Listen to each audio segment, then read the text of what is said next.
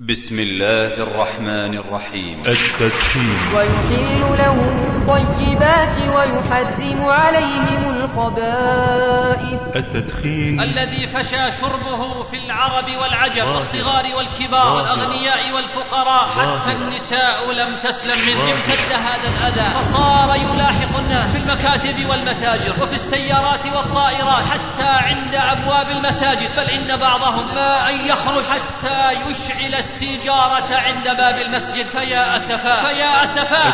يحرم بيعه والاتجار به واستيراد ثمنه سحب والاتجار به مخفى هل ترضى أيها المدخن أن تودع النار في صدرك بثمن تدفعه مقدما وأن تشرب نارا وتدفع مقابل ذلك دينارا ومن تحسى سما فقتل نفسه فسمه في يده فسمه في يده فسمه في يده وما كره العبد للخير فهو شر, شر. فاسأل من يتعاطى كم ينفق فيه من الريالات. وقد يكون فقيرا. ليس عنده قوت يومه وليلته. أتشري الموت يا هذا؟ أتشريه إذا باعوا؟ أتشري الداء مرتبطا وعندك صبية جاعوا؟ فيا أسفا. فيا أسفا. هل تعلم يا أخي الحبيب أن الدخان أعظم قاتل للبشر. حيث يقتل سنويا أكثر من خمسة ملايين شخص. فهو يضعف القلب ويسبب مرض سرطان الرئة مرض. ومرض السلم مرض. ومرض السعال في الصدر ويجلب البلغم والأمراض الصدرية التدخين. يضعف العقل ويسبب صداع الرأس التدخين. يقلل شهوة الطعام ويفسد الذوق والمزاج. يفتر المجموع العصبي ويضعف شهوة النكاح. لقد نجح أعداء الملة وخصوم الشريعة على نشر هذا السم بين المسلمين لأنهم يعلمون أن التدخين يهدم القوى ويضعف الأجسام ويقضي على الصحة ويفسد أخلاق الشباب وأقبح من ذلك. أن مروج الدخان من الكفرة وأذنابهم يصورون للشباب أن شرب الدخان شعار للرجولة والفروسية كما هو مشاهد في دعايات بعض أنواع الدخان. ويكتب وبالخط العريض تعال إلى المتعة تعال إلى اللذة عليهم من الله ما يستحقون.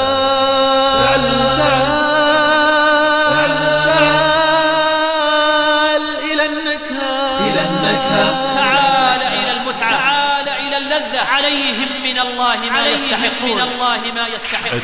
هل يستطيع المدخنون أن يذكروا لنا فائدة واحدة لا. أو بعض فائدة لا. في شرب الدخان؟ فيا أسفا. فيا أسفا. آوال للشريط الإسلامي تقدم باكورة إنتاجها القاتلة.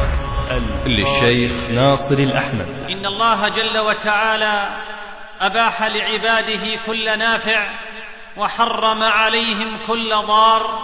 فكل أمر تحقق ضرره وغلب شره وبلاؤه فدين الإسلام حمى المجتمع منه. فحرمه عليهم حماية لهم وأوجب على المسلم المحافظة على نفسه وحرم عليه التعدي عليها. قال الله تعالى ولا تقتلوا أنفسكم إن الله كان بكم رحيما وقال عز وجل ولا تلقوا بأيديكم إلى التهلكة فحرم عليه الاعتداء على أي عضو من أعضائه لأنها ليست ملكا له بل هو مؤتمن عليها وإن التعدي عليها يعد جريمة متوعد صاحبها بالعقاب من الله جل وتعالى. إن التغذي بالطيبات له أثر حميد في صحة الإنسان وسلوكه والتغذي بالخبائث يكون له أثر خبيث في الأبدان والسلوك كذلك. ألا وإن من الخبائث التي ابتلي بها مجتمعات المسلمين اليوم ظاهرة التدخين الذي فشى شربه في العرب والعجم والصغار والكبار والأغنياء والفقراء حتى النساء لم تسلم منه. وصار شرابه يضايقون به الناس ويؤذون به الأبرياء من غير خجل ولا حياء بحيث إن أحدهم يملأ فمه منه ثم ينفثه في وجوه الحاضرين من غير احترام لهم ولا مبالاة بحقهم. فيخيم على الحاضرين حوله سحابة قاتمة من الدخان الخانق الملوث بالريق القذر والرائحة الكريهة. ومصدر ذلك كله فم المدخن لا يراعي لمجالسه حرمة. ولا يفكر في وخيم فعله. ولو أن إنسانا تنفس في وجه هذا المدخن أو امتخط أمامه كم يكون تألمه واستنكاره لهذا الفعل؟ وهو يفعل أقبح من ذلك. ولكن الأمر كما جاء في الحديث إذا لم تستح فاصنع ما شئت. إن شرب الدخان حارق للبدن والدين والمال والمجتمع. ومعلوم أن نوعا واحدا من هذه المضار كاف فكيف بها جميعا أما ضرره على البدن فهو يضعفه بوجه عام ويضعف القلب ويسبب مرض سرطان الرئة ومرض السل ومرض السعال في الصدر ويجلب البلغم والأمراض الصدرية ويضعف العقل بحيث يصبح المدخن ذا حماقة ورعونة غالبا ويسبب صداع الرأس ويقلل شهوة الطعام ويفسد الذوق والمزاج ويفتر المجموع العصبي ويضعف شهوة النكاح ويشوه الوجه بحيث يجعله كالحا وتظهر على صاحبه زرقة وصفرة تعم بدنه. ولقد ذكر الأطباء السبب في إحداثه لهذه الأمراض ونحوها وهو اشتماله على المادة السامة وهي النيكوتين. ومع هذا نجد الإصرار ممن يتعاطونه. لذلك يشكو مدمن التدخين الارق والقلق والتحسس والكآبة ووهن الإرادة وضعف الذاكرة وقد يظهر عليهم الكسل والخمول والتعب والنصب وغير ذلك من العاهات المصاحبة له. ولقد أكثر الأطباء والحكماء الكتابة في التدخين وما ينتج عنه وانتشرت أقوالهم وطبعت مؤلفاتهم وكلها تدندن حول أضراره الصحية للبدن وما دام قد ثبت أن التدخين من أعظم ما يجلب الأمراض للجسد وأن البعض يسميه بالانتحار البطيء فإنه يخشى أن يكون متعاطيه ممن قتل نفسه ودخل في قول النبي صلى الله عليه وسلم ومن تحسى سما فقتل نفسه فسمه في يده يتحساه في نار جهنم خالدا مخلدا فيها أبدا. رواه البخاري ومسلم. وأما ضرره على الدين فإن الله جل وتعالى يقول إنما يريد الشيطان أن يوقع بينكم العداوة والبغضاء في الخمر والميسر. ويصدكم عن ذكر الله وعن الصلاة. فهل أنتم منتهون؟ ذكر الله جل وتعالى أن من أسباب تحريم الخمر والميسر الصد عن الذكر وعن الصلاة. وهذه العلة تتحقق في الدخان فإن شاربه في العادة يهرب عن حلق الذكر والقراءة ويألف اللهو والباطل عادة وهو غالبا السبب الرئيس لبعد المدخنين عن حضور المساجد إلا من شاء الله وهكذا سائر العبادات. وما كره العبد للخير فهو شر وكذلك فهو يدعو متعاطي إلى مخالطة الأراذل والسفهاء والابتعاد عن الأخيار. فهذا يكون سببا لما هو أكبر منه وهو تعاطي المخدرات. نسأل الله السلامة والعافية. وأما ضرره على المال فاسأل من يتعاطاه. كم ينفق فيه من الريالات؟ وقد يكون فقيرا ليس عنده قوت يومه وليلته. ومع هذا فهو يقدم الدخان على شراء غيره من الضروريات. ولو ركبته الديون الكثيرة ولو فكر هذا المسكين فيما ينفق في هذا السم الخبيث وصرف هذا المال. لمستحقيه من إخوانه المنكوبين ليجدوا لقمة يسدون بها رمقهم لكسب بذلك الأجر والمغفرة من الله والمثوبة. لكن من يتذكر ومن يتعظ فهل ترضى أيها المدخن بأن تودع النار في صدرك بثمن تدفعه مقدما وأن تشرب نارا وتدفع مقابل ذلك دينارا؟ وأما ضرره على المجتمع فإن شاربه يسيء إلى مجتمعه ويسيء إلى كل من جالسه وصاحبه بحيث ينفخ الدخان في وجوه الناس يخنق أنفاسهم ويضايقهم برائحته الكريهة حتى يفسد الجو من حولهم. امتد هذا الأذى فصار يلاحق الناس في المكاتب والمتاجر وفي السيارات والطائرات حتى عند أبواب المساجد بل إن بعضهم ما أن يخرج حتى يشعل السيجارة عند باب المسجد. بل إن التدخين يؤذي الملائكة الكرام. ففي الصحيحين عن جابر بن عبد الله رضي الله عنه أن النبي صلى الله عليه وسلم قال إن الملائكة تتأذى مما يتأذى منه بنو آدم ثم كيف يليق بعاقل؟ أن ينفخ الدخان في وجوه من حوله وينفثه بحضرة من هم أكبر منه سنا وأعلى قدرا. بل كيف يرضى بنفثه في وجوه من يجلسون من أبنائه وبناته وزوجته ويكدر عليهم صفو جلستهم؟ أليس من حق الزوجة ألا تجد من زوجها إلا رائحة زكية طيبة أم أن الزوج لا يرى إلا بعين واحدة؟ كيف وقد أكدت آلاف التقارير الطبية أن التدخين يسبب الضرر لغير المدخنين الذين يعيشون مع المدخن مثل الزوجة والأطفال وزملاء العمل؟ والله قد نهى عن أذى الآخرين. قال الله تعالى والذين يؤذون المؤمنين والمؤمنات بغير ما اكتسبوا فقد احتملوا بهتانا وإثما مبينا. وقال صلى الله عليه وسلم من آذى مسلما فقد آذاني ومن آذاني فقد آذى الله. أخرجه الطبراني في الأوسط من حديث أنس رضي الله عنه بإسناد حسن. وإذا كان النبي صلى الله عليه وسلم قد نهى من أكل الثوم والبصل أن يغشى المجالس وأن يحضر صلاة الجماعة على أهميتها القصوى بسبب الرائحة فإن رائحة التدخين أشد من رائحة البصل والثوم. ناهيك عن أن البصل والثوم من المباحات والدخان ليس كذلك. وقد أخرج البخاري ومسلم في الصحيحين عن جابر بن عبد الله رضي الله عنه أن النبي صلى الله عليه وسلم قال من أكل ثوما أو بصلا فليعتزلنا وليعتزل مسجدنا وليقعد في بيته. وأيضا من مضار التدخين الاجتماعية أنه يستنزف ثروة الأمة وينقلها إلى أيدي أعدائها من الشركات التي تصدر هذا الأذى الخبيث.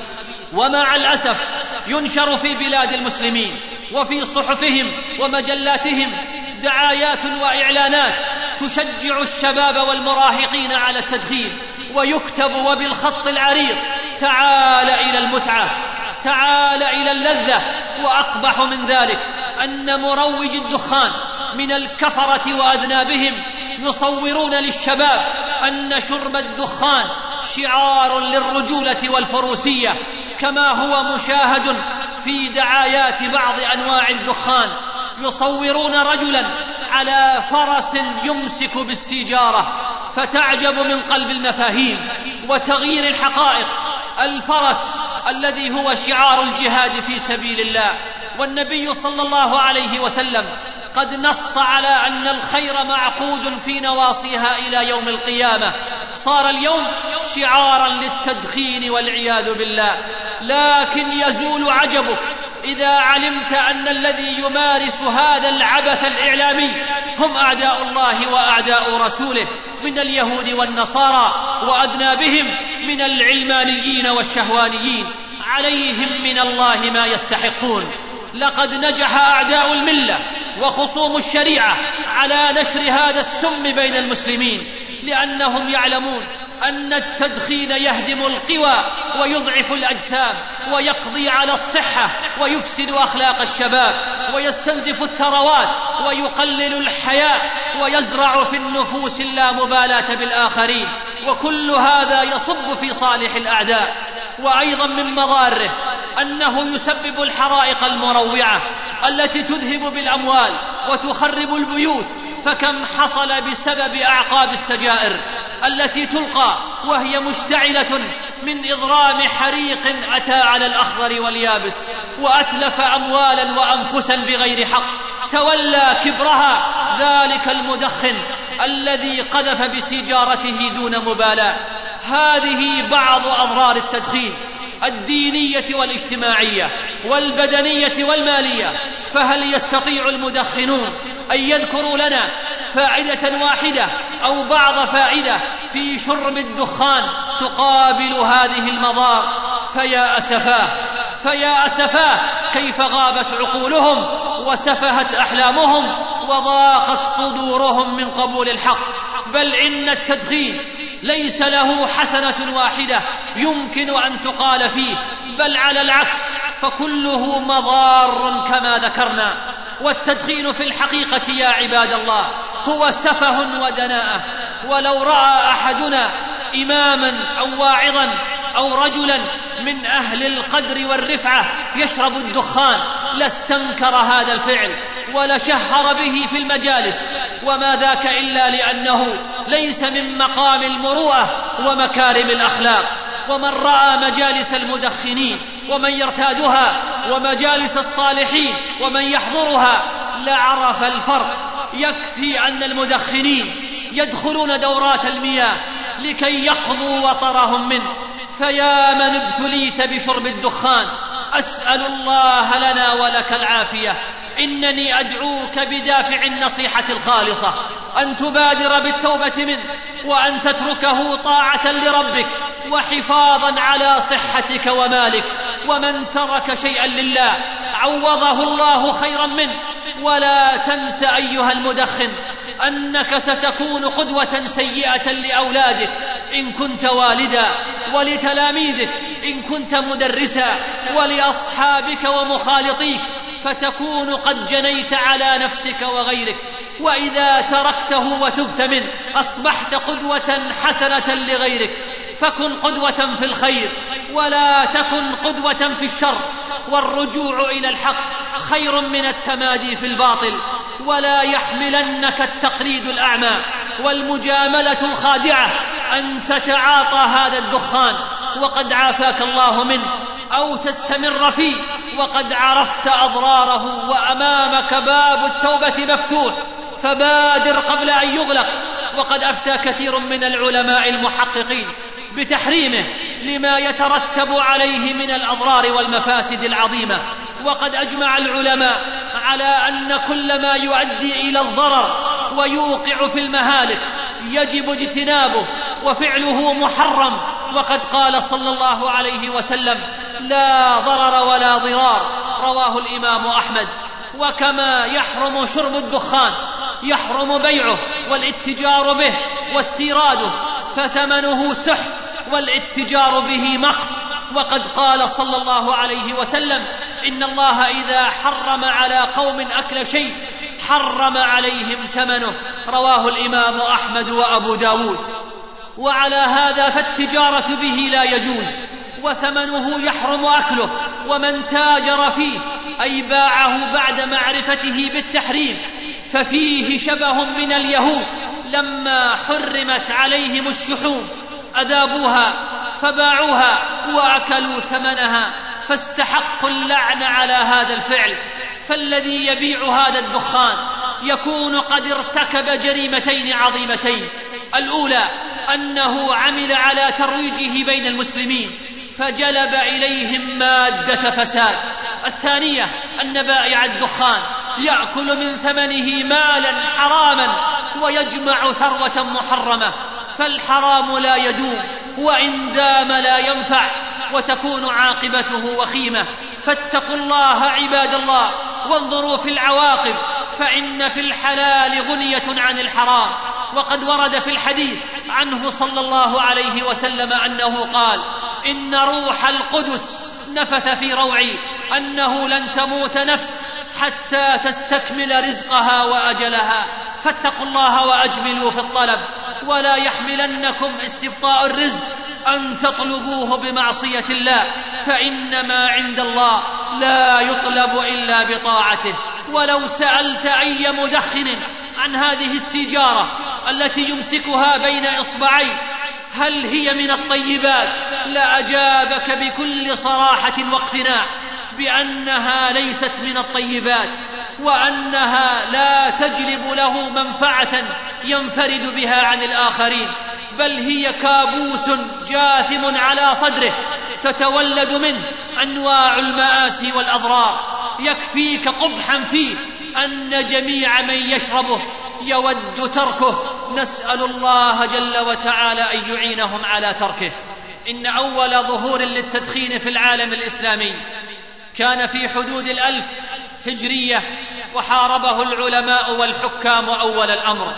ثم استطاع بعد ذلك تجار التبغ أن يغروا الحكومات بوضع ضريبة على الدخان تشكل دخلا للدولة.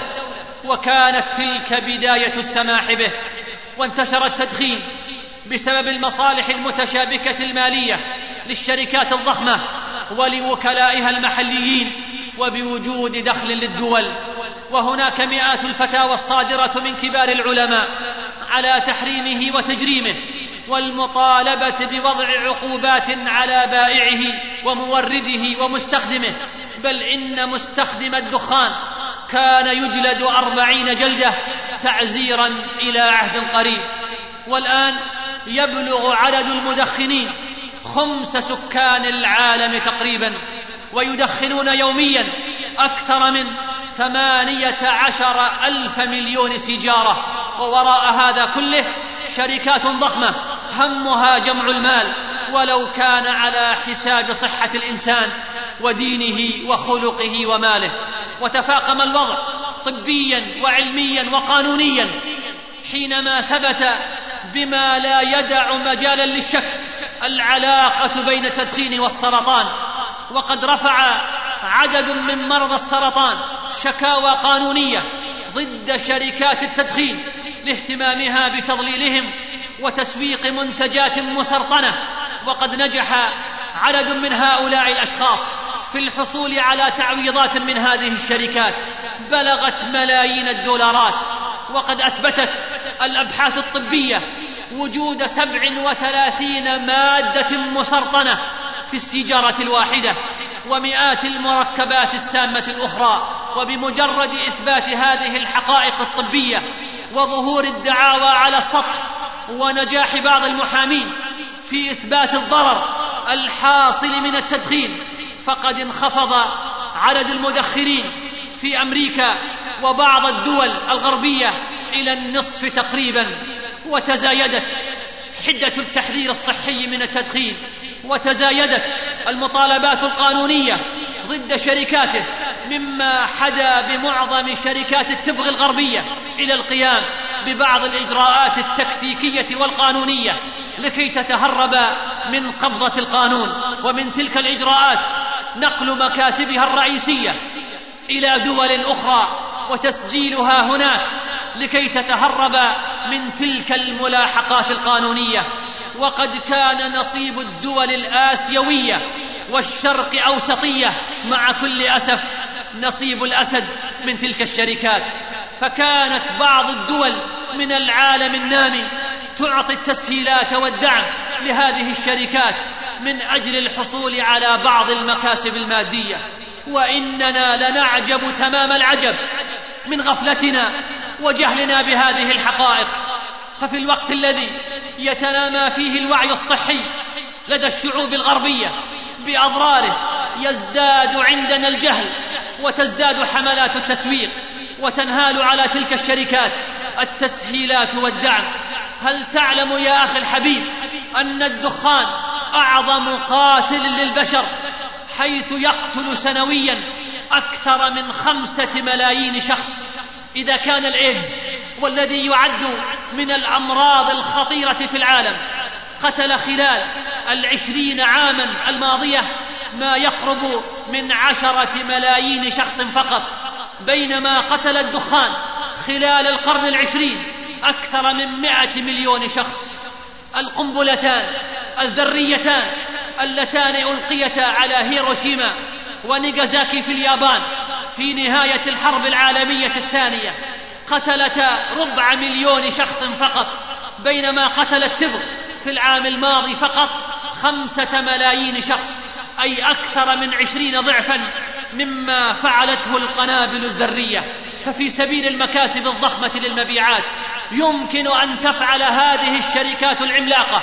كل شيء يخطر بالبال ابتداء من تكوين حكومات في العالم الثالث. وشراء ذمم بعض المسؤولين والإعلاميين. إنها حرب كاملة بكافة الوسائل وهي لا تختلف في كثير أو قليل عن مافيا المخدرات سوى أن المخدرات ممنوعة رسميا وتعاقب عليها الدول والحكومات. عقوبات تصل إلى الإعدام بينما يدخل الدخان إلى كل دول العالم بدون أي مساءلة. وتقول الإحصائيات عن ضحايا التدخين في المملكة أنهم يبلغون الآن ثلاثة وعشرين ألف شخص في كل عام. إن قتل إنسان بريء يعتبر من أبشع الجرائم في جميع الأديان والقوانين والأعراف.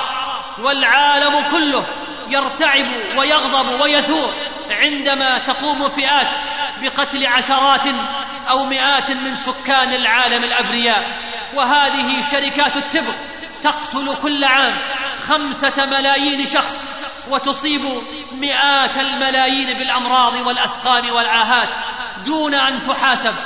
بل على العكس من ذلك نعطيها مئات البلايين من الدولارات لقاء هذا العمل الإجرامي البغيض أيها المسلمون لقد نهى الإسلام عن إضاعة المال ونهى الإسلام عن التبذير وقد نهى رسول الله صلى الله عليه وسلم عن الإسراف في الوضوء والزيادة على ثلاث ولو كان الشخص على نهر جار.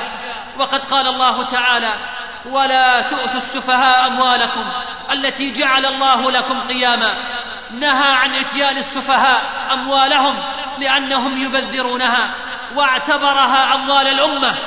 ومن المعلوم فقها أن من يحرق عشرة ريالات عبثا يحجر عليه لاعتباره سفيها فما بالك بمن يحرق كل عام أكثر من ألفي مليون دولار؟ نعم أكثر من ألفي مليون دولار وهي ثمن التدخين الذي يستهلك في المملكة سنويا. وأي تبذير وسرف وسفه أكبر من هذا؟ والأمة كلها تحتاج إلى ريال واحد من هذه البلايين التي تصرف سفها في ثمن التبغ والتدخين. ويؤدي التدخين أيضا إلى إصابة الملايين من الأشخاص. بالأمراض وبالتالي يترتب على ذلك التغيب عن العمل وفقدان الدخل. وذلك يقدر بآلاف الملايين من الدولارات سنويا. وأما ثمن التداوي من الأمراض ودخول المستشفيات فهي مبالغ خرافية تبلغ التريليونات من الدولارات سنويا على مستوى العالم.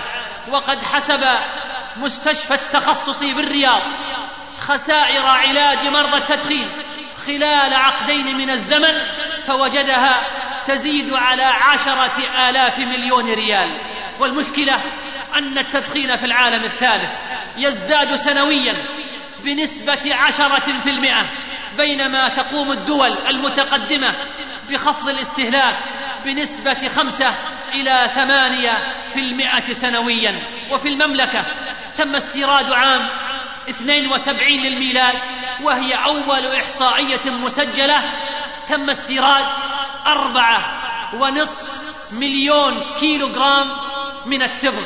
وبحلول عام أربع وثمانين ارتفع إلى اثنين وأربعين مليون كيلو جرام من أربعة ونصف إلى اثنين وأربعين مليون كيلو جرام بقي أن تعلم يا أخي الحبيب أن الكيلو جرام يساوي ألف ومائتين وخمسين سيجارة. وبحلول عام أربع وتسعين وصل الاستهلاك إلى خمس وأربعين مليون كيلو غرام بلغ ثمنها الرسمي ألف وأربعمائة مليون ريال. هناك دراسة حديثة كشفت أن حجم الإنفاق على التدخين في المملكة ومعالجة أمراضه سنويا يبلغ أربعة عشر مليار ريال. وبحسبة بسيطة فإن ما يصرف على التدخين في المملكة يكفي لبناء ألف وأربعمائة وعشرين مدرسة أو ثمان وخمسين ألف شقة سنويا توزع على الفقراء والمحتاجين وإنشاء 22 كلية في الجامعات بكامل ما تحتاج إليه.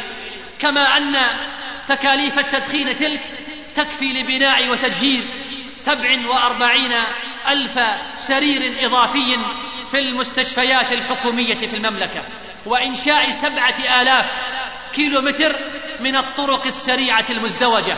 بالإضافة إلى أن تكلفة التدخين السنوية تلك تكفي لميزانية سنوية لأكثر من أربعة عشر جامعة وتكفي أيضا لتقديم مساعدة لأربعمائة ألف عاطل عن العمل بمعدل ثلاثة آلاف ريال شهريا عطفا على توفير عدد كبير من فرص العمل الإضافية. فأين العقلاء؟ فأين العقلاء؟ فهذه نصيحة مشفق لمن ابتلي بهذا الداء العضال أن يلجأ إلى الله عز وجل أن يخلصه من هذا الإدمان. فكم من مدمن على التدخين لجأ إلى الله عز وجل في السحر وصلى ودعا وبكى فاستجاب الله له. وإننا لنعرف أعدادا من هؤلاء المدمنين الذين توقفوا تماما عن الإدمان بعد صلاة خاشعة أو بعد دعوة صادقة أو بعد عمرة مقبولة. أو حج مبرور. ومع هذا فعلى الدول أن يكون لها دور على الأقل تمنع الأطفال والمراهقين من الوقوع في مستنقع التدخين. فإذا انغرزوا فيه فمن الصعب جدا إخراجهم من هذا المستنقع الآسن. وهذا يحتاج إلى دور متكامل من المدرسة ومناهج التعليم وتكاتف دور الإعلام والمسجد كما أن كافة دول العالم تضع عقوبات مالية كبيرة لأولئك الذين يبيعون السجائر لمن هم أقل من ثمانية عشر عاما. وإذا قمنا بوضع غرامة مالية بسيطة بخمسة آلاف ريال مثلا لكل من يبيع الدخان للأطفال والمراهقين وأعطينا الشرطي صلاحية أخذ الغرامة بقسيمة مباشرة وشجعنا الشرطة على هذا النشاط بإعطائهم عشرة بالمئة مما يجمعونه فإنهم سيطاردون باعة الدخان ليكسبوا دخلا مهما لأسرهم. كما يجب ألا ينقطع التحذير من التدخين فالعلماء عليهم أن يحذروا مرض. والأطباء عليهم أن يؤكدوا خطره ووسائل الإعلام المختلفة ينبغي عليها أن تتناول هذا الموضوع بالأرقام والإحصائيات. أنا مرض مرض مرض. أنا مرض أنا الداء. ومني تأتي أوجاع. وليس لمدمني أبدا. من الأخيار أتباع. أنا مرض أنا الداء. ومني تأتي أوجاع. وليس لمدمني أبدا. من الأخيار أتباع. أنا مرض أنا الداء. ومني تأتي أوجاع. وليس لمدمني أبدا. من الأخيار أتباع. أتشري الموت يا هذا؟ أتشريه إذا باعوا؟ أتشري الداء مرتبطا وعندك صبية جاعوا؟ تم هذا العمل في استوديو القادسية. مهندس الصوت أبو إبراهيم.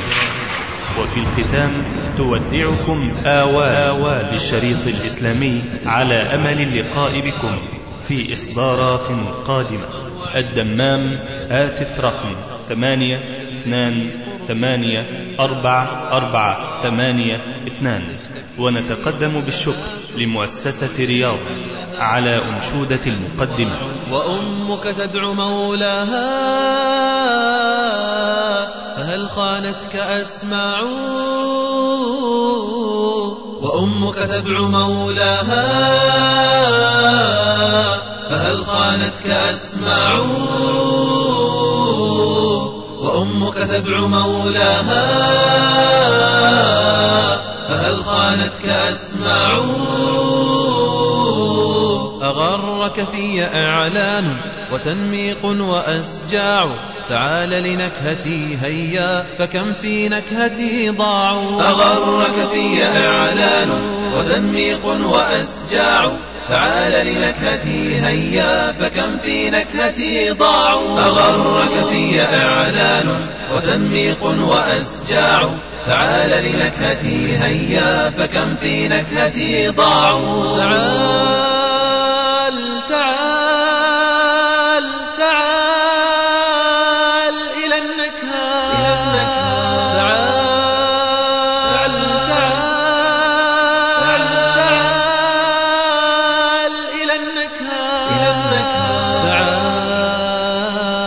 تعال تعال إلى النكهة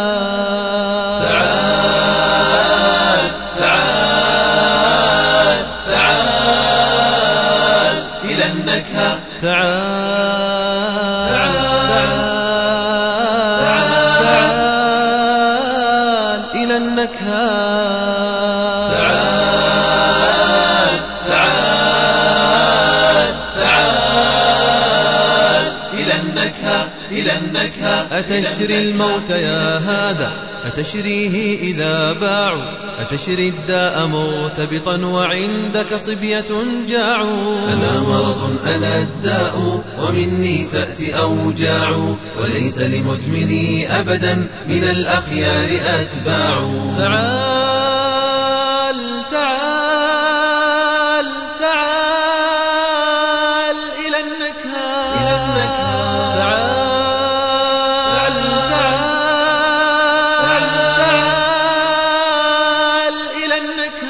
إلى النكهة